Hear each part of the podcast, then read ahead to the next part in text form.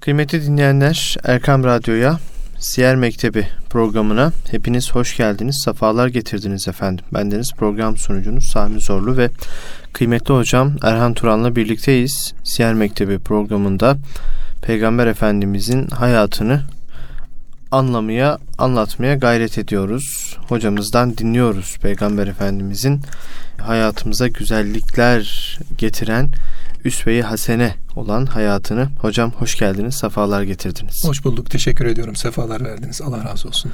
Sağ olun hocam. Bu hafta Peygamber Efendimiz sallallahu aleyhi ve sellemin kerimesi kızı Hazreti Zeynep'in Medine'ye getirilmesi konusundayız. Evet. Orada kaldık. Geçen hafta ganimetlerin Taksim, bölünmesini, evet. taksimindeki hükmü ve e, şehadet rütbesini, şehitlik rütbesini konuştuk. Peygamber Efendimizin damadı Bedir gazvesinden sonra e, esir alınmıştı. Evet. E, Ebul As ve o esirliğin diyeti olarak da Peygamber Efendimiz kızının Medine'ye getirilmesini talep etti. Evet. Bu olayı sizden dinleyelim hocam. Buyurun. Allah razı olsun. Euzu billahi mineşşeytanirracim. Bismillahirrahmanirrahim. Elhamdülillahi Rabbil alemin ve salatu ve selamu ala Resulina Muhammedin emin ve ala alihi ve ashabihi ecmain. Ve ba'd. Şimdi e, tabi Hazreti Peygamber aleyhissalatü vesselamın kızı Hazreti Zeynep validemizin e, Medine'ye getirilmesi başlığındayız ama belki e, dinleyenlerimizin aklına şöyle bir soru gelebilir. Yani Allah Resulü'nün kızı neden müşrik biriyle evli? Hı hı. Ebul As yani neticede peygamberimize karşı savaşan Bedir'de kılıç sallayanlardan birisiydi. Daha henüz müşriklerle evlenmeyin ayetleri yoktu. Ve Efendimiz Aleyhisselatü Vesselam öncesinde, nübüvvetin öncesinde de bu evlilikler zaten Hı-hı. caizdi, görülüyordu. O da yakınlarından, akrabalarından biri olduğu için bu emirde olmadığı için böyle bir evliliği zaten müsaade etmişti. Bundan dolayı böyle bir evliliği vardı Efendimizin kızının.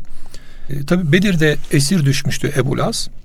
Neticede de e, Hazreti Zeynep validemiz onun kendisine himayeten yani e, aslında ne diyelim kendisini kocası olduğu için Allah Resulüne ya Resulallah deyip iltifaten e, serbest bırakılmasını istediklerinden birisi. Hmm. Bundan sonra Peygamberimiz Aleyhisselatü Vesselam ondan bir söz aldı. Dedi ki ben seni tamam serbest bırakacağım ama bunun diyeti kızımı bana geri göndereceksin, kızımı göndereceksin. O da Efendimiz'e peki dedi ancak boşamayacağım dedi. Yani ben size kızınızı göndereceğim ama ben hanımımla bir problemim yok. Ben hanımımı size sadece siz istediğiniz için göndereceğim ama ben onu hanımlıktan boşamayacağım dedi. Hmm. Boşamadan bu göndermeyi kabul etti. Sonrasında peygamberimiz onu gönderdi. O da Mekke'ye geri döndü. E, tabii hazırlıklar yapmaya başladı. Aziz Zeynep validemize e, Efendimiz'e gidebileceğine izin verdiğini söyledi. Hatta kendi kardeşi Kinane de ona yardımcı olacaktı. Bu haliyle e, Yecik Vadisi'ne kadar getireceklerdi. Oradan da peygamberimizin görevlendirdiği Zeyd bin Harise de Ensar'dan bir zat vardı Zeyd'in yanında. E, ikisi geleceklerdi. Peygamberimizin kızını teslim alıp Efendimiz'e teslim edeceklerdi. Ancak burada Ebul As'ın kardeşi Kinane tabi biraz e, ne diyelim buna strateji mi diyelim ya da bir e, firaset eksikliği mi diyelim gündüz gözü hani herkesin gördüğü zaman da Efendimizin kızını devesine hevedecine bindirdi devenin yularından tuttu e, Yecic Vadisi'ne doğru yola çıktı tabi bunu müşrikler gördüğü zaman Mekkeliler gördüğü zaman ayağa kalktılar çünkü Bedir yeni bitmiş esirler dönmüş işte diyet ödeyenler ödemiş, ödemeyenler ödememiş. Orada kalmışlar. Yani bir savaş şeyi var daha. E, hali var, havası var. Ancak e, böyle bir hali de görünce bir de peygamberimizin e, kızının da bu halde gündüz gözüyle deveye binmiş götürüldüğünü görünce e, bir anda galeyan oluyor. Ebu Süfyan önünü kesiyor Kinane'nin. Tabii Kinane iyi de ok kullanan birisiymiş. Hemen ok torbasının yanına koyuyor. Okunu sürüyor. Diyor ki benimle diyor var mısınız mücadele etmeye diye kafada tutuyor tabirlerindeyse. Ancak Ebu Ebu Süfyan diyor ki bak diyor senin şu hani ok atmayı bırak. Senin şu yapmış olduğun ne kadar doğru diye soruyor önce. Yani biz açıkça söyleyelim diyor. Bizim Efendimizin yani kızıyla Zeynep'le bir problemimiz yok. Bizim onunla bir derdimiz tasamız da yok. Hatta o arada bir cedelleşme de oldu. Böyle bir e, çatışma kabilinden bir cedelleşme oldu. E, içlerinden bir tanesi Hazreti Peygamber'in ha, e, kızını o devenin üzerindeki hevdeçten mızrağıyla dürtüp düşürdü. Aşağıya düşürdü devenin hmm. üzerinden. O vakit de hamileydi validemiz. Zeynep validemizin hamileliğinde orada çocuğunu düşürdü. Kanama da geçirdi. Onun üzerine bir hastalık da bıraktı bu hali. Kinane bundan sonra ok torbasını boşaltıp hadi savaşıyoruz o zaman diye ortaya çıkmıştı. Sonrasında Ebu Süfyan onu ikna etti. Dedi ki bak dedi bu yaptığın doğru değil. Çünkü biz şu an bir e, savaş üzereyiz. Bu savaşta da ciddi bir mağlubiyet de aldık ve toplumun bundan yani Mekke'nin bunda bir yarası var. Senin bu işi yapman bizi hiçbir şey anlamına koyar. Çünkü Ebu Cehil ölmüş. Mekke'nin liderliği Ebu Süfyan'da. Ebu Süfyan onu ikna edince peki dedi. Birkaç gece bekledi. Yani sular duruldu. Mekke biraz daha böyle bir sükunete erdi. Bir gece yarısı Hazreti Peygamber'in kızını aldı, deveye bindirdi. Ebul As da onu bir bölgeye kadar getirdi. Sonrasında Hazreti Peygamber'in gönderdiği elçilere Zeyd bin Harise'ye teslim edildi. Hazreti Peygamber'e de kızı getirilip teslim edildi. Yine bir e, sefer esnasında bir e, kervanın başında giderken Ebul As o kervanın başındaydı. O kervanın başında Müslümanlar taarruzda bulundular ve kervanı aldılar. Kervan alınınca Ebu Las bir daha esir düştü. Hı hı. Bu esaretinin neticesinde de Hazreti Peygamber Mescid-i Nebi'deydi. Malları da yığdırmıştı ortaya. Ne olacak tabi esirler de var. Zeynep validemiz hane saadetinden şöyle kafasını çıkarttı. Ya Resulallah dedi Ebu, Ebu, e, Ebu As benim himayemdedir dedi. Kabul ederseniz dedi. Öyle deyince Efendimiz Aleyhisselatü Vesselam da o zaman dedi senin himayen benim himayemdir dedi peygamberimiz. Hı hı. Ebu Las'tan aldığınız malı verin ve onu geri gönderin diye işaret buyurdular. E, mücahitler tabi peygamberimiz ister verirsiniz ister vermezsiniz demişlerdi. Bizim Müslümanlar da ya Resulallah sen verdikten sonra biz ne yapacağız onun malını? Verelim dediler. Verdiler. Ebu Las döndü. Dedi ki ya Resulallah dedi ben iman ettim dedi. Hmm. Ben iman ettim dedi. Damadı. Tabi damadı. Neden iman ettin diye ya neden gizledin diye sordu peygamberimiz. Dedi ki ya Resulallah dedi ben sizin yanınıza gelmeden önce Müslüman olmaya niyetliydim. Ama buna mani olan şey malını almak için Müslüman oldu. Bunu da bunun için kullanıyor denilir diye korktum diyor. Hmm. Ya bu çok ince bir düşünce evet, aslında. Evet. İnce bir hassas düşünce bu. O yüzden e, ben şehadet ediyorum dedi. Bu haliyle iman etti. Efendimiz Aleyhisselatü Vesselam onları alel usul evlilikleri üzere Mescid-i Nebi'de bir hane-i saadet kurup yaşamalarına devam etmelerine izin verdi. Artık Ebul As da Müslümanlar arasına girip e, yerleşmiş bir mücahit olmuştu. Bir diğer konumuz hocam burada Yahudiler ve Beni Kaynuka gazvesi var. Evet. Muhterem Üstadımızın e, Hz. Muhammed Mustafa iki kitabının e, ilgili konusu. Bu önemli bir mesele aslında. Bugünün Müslümanlarına da çokça işaret buyuran, çokça ışık tutan diyelim. Çünkü şimdi ortada Yahudiler vardı. Yahudilerin biz çok iyi biliyoruz ki ayetlerle de işaretle İsrailoğullarından çıkacak olan bir peygamber, Yahudiler kendi içlerinden bir peygamberin çıkacağını zan ediyorlardı. Bir peygamberin geleceğinden emindiler. Ama bu peygamberin kendilerinden çıkacağından ümitleri vardı. Hı hı. Onlar da bu peygamberi de kendilerinden çıkmasını şan, şeref ya da üstünlük olarak istiyorlardı aslında. Yoksa onlar bizden bir peygamber çıksın da hakka tabi olalım, hakkı tutalım diye e, bir beklentileri yok. Öyle bir beklentileri olsa peygamber kim olursa olsun ona tabi olurlardı. Olmadılar da zaten. E, Efendimiz Aleyhisselatü Vesselam'ın tabi Medine'ye geldiğinde Müslümanlarla birlikte yapmış olduğu bir vesika. Medine vesikası vardı. Orada Yahudilerin çarşısı ayrılmıştı. Müslüman hanımlardan bir tanesi bir alışveriş yapacaktı. O alışveriş esnasında e, bir Yahudi tüccarı o Müslümanın giymiş olduğu tesettürüyle, örtüsüyle dalga geçti. Hı hı. Hatta yaptığı hareket o örtünün alt tarafından kaldırıp ensesine doğru e, kaldırınca mahrem yerleri açıldı hanımefendinin. Böyle olunca e, orada bir cedelleşme ortaya çıktı. E, Müslümanlardan birisi yine ticaret halindeydi. Bunu görünce müdahale etti. Bu işi yapanla kılıç kılıca çekiş e, kılıç kılıça geldiler. Müslüman kardeşimiz onu orada yerle bir etti, öldürdü. Ancak e, Yahudiler bunu yediremediler. Üzerine Anadolu ifadesiyle çullandılar yani üzerine kapandılar ve e, kılıçtan geçirdiler Müslümanı. E, bu şahıs Müslüman e, şehit olduktan sonra da Efendimiz Aleyhisselatü Vesselam'a bu haber geldi. Ardından da Efendimiz tabi bir e, ordu hazırladı Hazreti Ali kumandasında. e, sancaktarlığını Hazreti Ali'ye verdi. Onlar da 15 gün kadar muhasara altında tuttular. Yani orayı kuşattılar. Hı hı. 15 gün kadar muhasara altında tuttular. Onlara şu teklif edildi. Ya İslam olursunuz ya Müslüman olursunuz, bu saflara katılırsınız, bizimle beraber savaşırsınız e, ya da yapmış olduğunuz kabahat bini aştı, biz sizi e, kılıçtan geçireceğiz dediler. Onlar Müslümanlar içerisinde münafık olan Abdullah bin Übey e, başkanlığında onlarla devamlı müzakere halindeydi Yahudiler. Biz size yardım ederiz diye devamlı e, destek veririz diye söylüyorlardı. Onlar ona da biraz güvendi. Yahudiler ona da güvendi. Ama güvendikleri bir şey daha vardı. Siz müşriklerin karşısında kılıç kılıca geçtiniz. Onlar savaşmaktan anlamıyorlardı. Siz bizim karşımıza gelin de savaş görün deyip böyle hmm. iddialaşıyorlardı Hazreti Peygamberle. Hazreti Peygamber de bunların o söylediklerine binaen bir muhasara emri verdi. Ancak onlar beklediler e, münafıklardan bir ya destek yardım gelir mi diye. Tabi münafık sadece bize münafık değil. Onlara da münafık. Onlara da münafık. Bu sefer onlar da yalnız kalınca yapacak bir şey bulamadılar. Teslim oldular.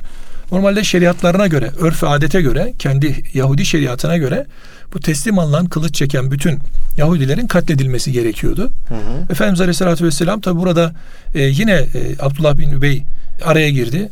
Dedi bizim onlarla anlaşmalarımız var, dostluğumuz var vesaire var diye. Bırakalım dedi. Onlar cezaya zaten boyun büktüler. Tazmin edecekler. İşte yapmayalım etmeyelim diye. Bu haliyle Efendimiz Aleyhisselatü Vesselam imansız ölmelerine razı değil. Burada Abdullah bin Übey dinlediğinden değil aslında. Hmm.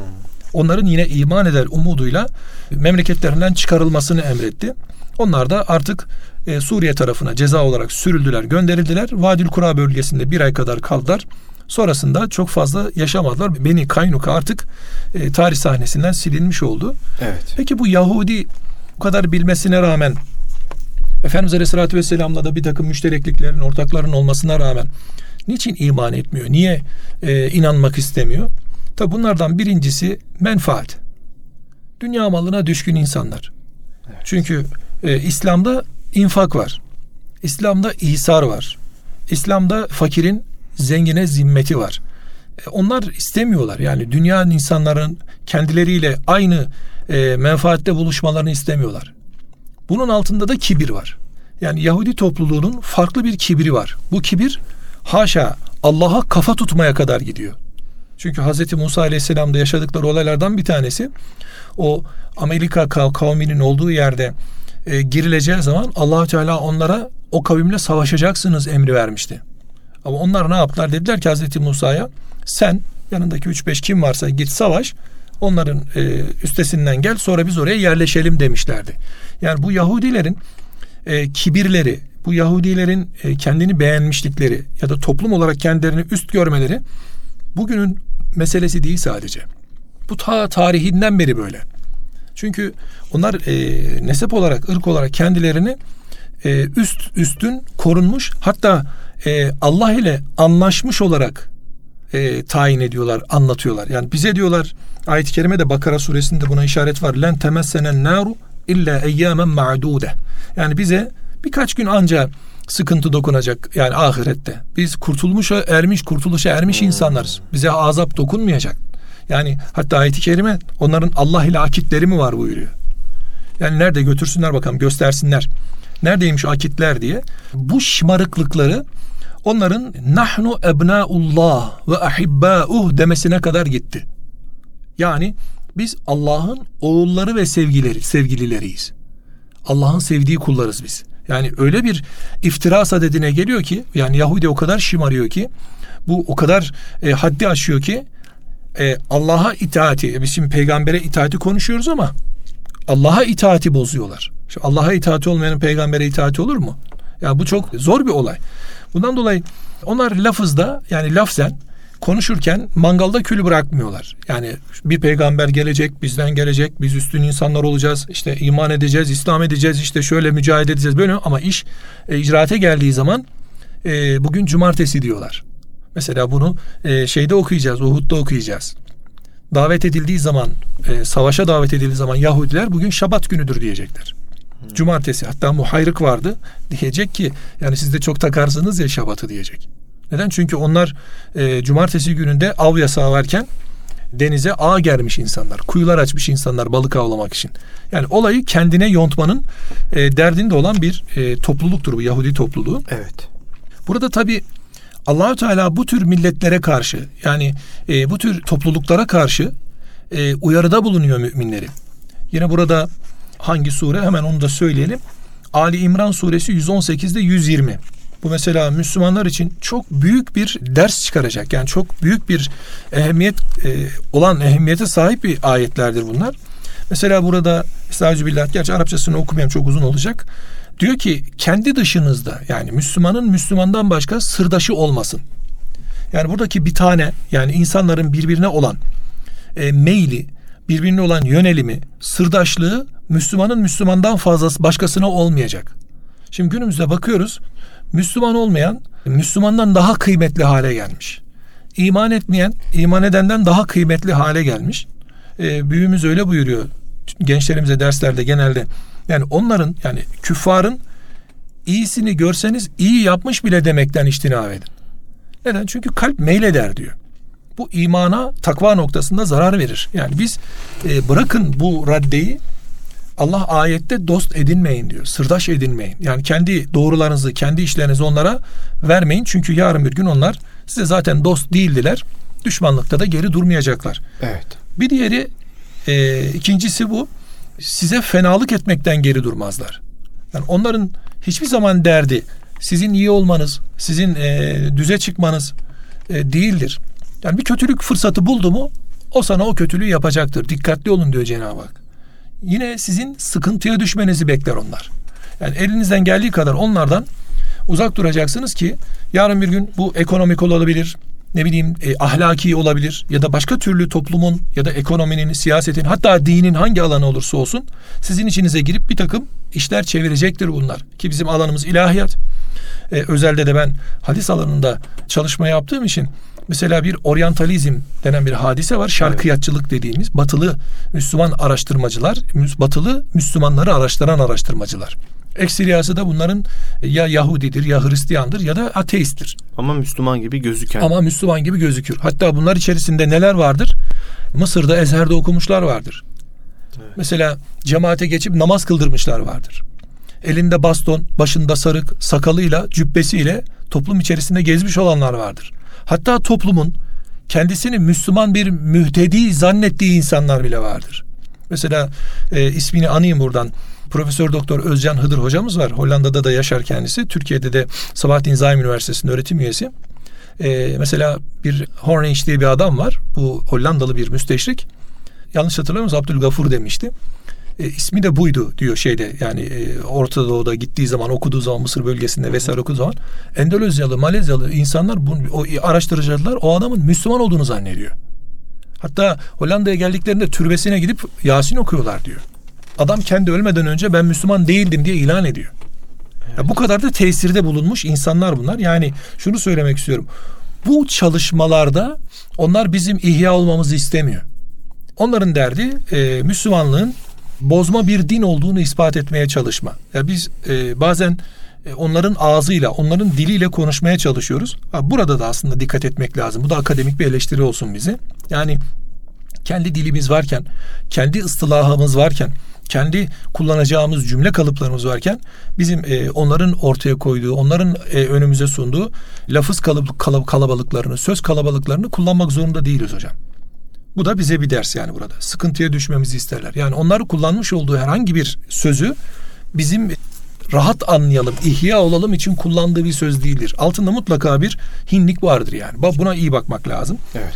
Ee, bir diğeri kin ve düşmanlıkları hiçbir zaman kesilmez bunların. Ağızlarından da dökülür hatta. Yani bunu duyarsınız da e, kalplerinde ki siz duyduklarınız bu kadar ama bir de kalplerinde olanlar var bunların. Şimdi evet. biz Müslüman olarak bir insan bize ilan ettiği zaman ne kadar ne olduğunu biliyoruz ama kalbinde olanı Allah biliyor. Bugün gayrimüslim ya da Yahudi ya da Hristiyan ya da İslam'a düşman olan ya da İslam'ın izzetine ve şerefine yapılan hakaretlerde durdurak bilmeyen insanlarla bir araya gelip oturup kalkan bu toplum önderlerinin ya da ne bileyim e, siyasetçilerin vesairelerin e, şöyle oturup kendine bir çeki düzen vermesi lazım bu noktada. Ya şu ayeti anlamalarını istiyorum açıkçası. Oturup bir düşünmeleri lazım. Ya bu Allah bu ayetleri kime söylüyor? Bize söylüyor. Yani şöyle söyleyeyim burayı geçeyim. E, siyasete de çok girmek istemem. Ama Müslümanla safa duramayanlar başkalarıyla nerede durduğuna bakmaları lazım. Evet hocam. Bir de alabilir miyiz hocam? Müslümanla safa duramayanlar başkalarıyla nerede duruyorlar? Eyvallah. Hocam bu bizim için çok önemli. Ben bu ayetlerden bunu anlıyorum açıkçası. Çünkü Allahü Teala dost edinmeyin diyor. Onların kin ve düşmanlıkları kalplerinde daha fazladır diyor. Eğer düşünüp anlarsanız diyor Allah size ayetlerinizi açıkça anlatır diyor.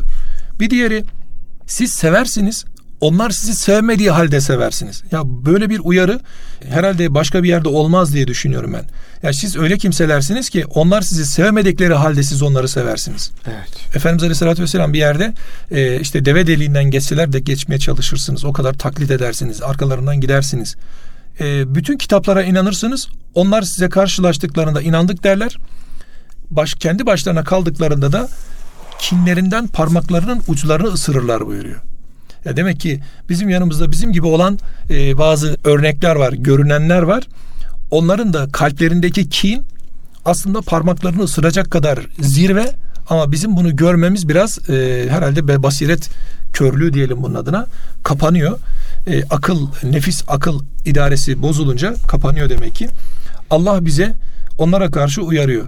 Bir diğer mesele onlardan e, bir, hani bir iyilik dokunursa size sizin bir iyilik olursa üzerinizde güzel bir hal olursa işte ne bileyim e, işte e, mescitleriniz ihya olursa gençliğiniz ihya olursa ahlak gelişirse işte ekonominiz düzelirse işte Müslümanlar e, galip olmaya başlarsa Müslümanlara lehte bir takım olumlu haller gelmeye başlarsa diyor ki onlar bundan tasalanmaya başlarlar diyor. Hmm.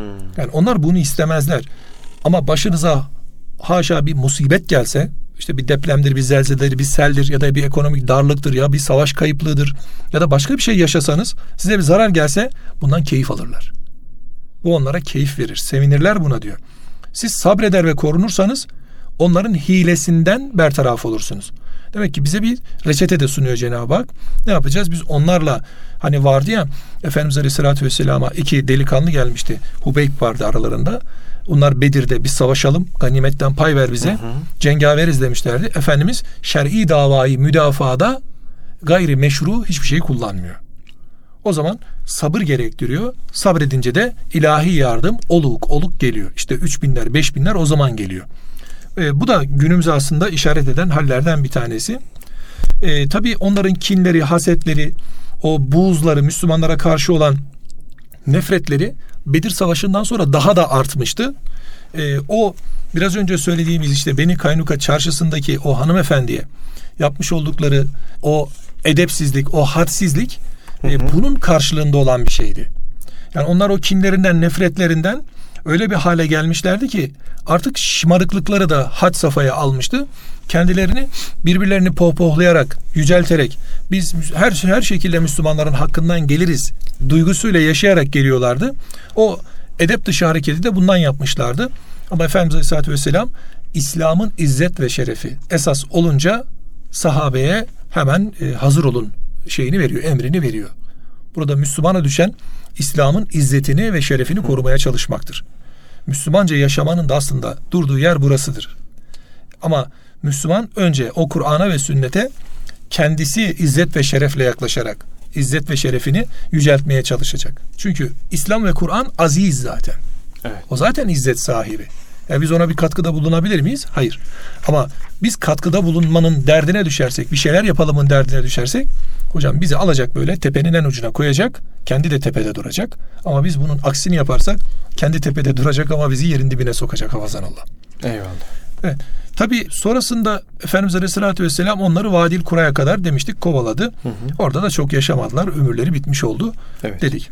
Bundan sonra Sevik gazvesi var Sevik hocam. gazvesi var. Sevik gazvesinde kalmış olalım. Bitirdik programımızın bu haftalıkta sonuna geldik. Tamam. Bu hafta aslında çok e, uzun değil Sevik gazvesi.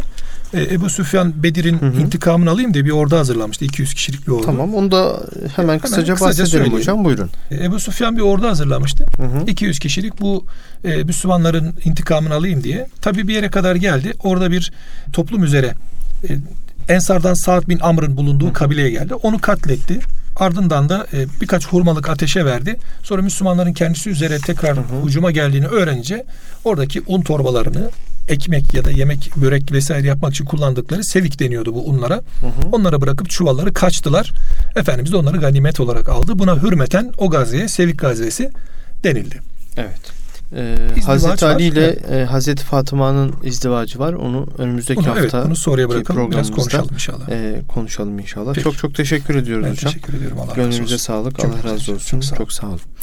Kıymetli dinleyenler Erkam Radyo'da Siyer Mektebi programının bu haftalık sonuna geldik. Önümüzdeki hafta Hazreti Ali Efendimiz'le Hazreti Fatıma validemizin izdivacını konuşacağız ve artık yavaş yavaş Bir de beyt var hocam orada. Nasıl hocam? Bir de ehli beyt var hemen arkasındaki konu.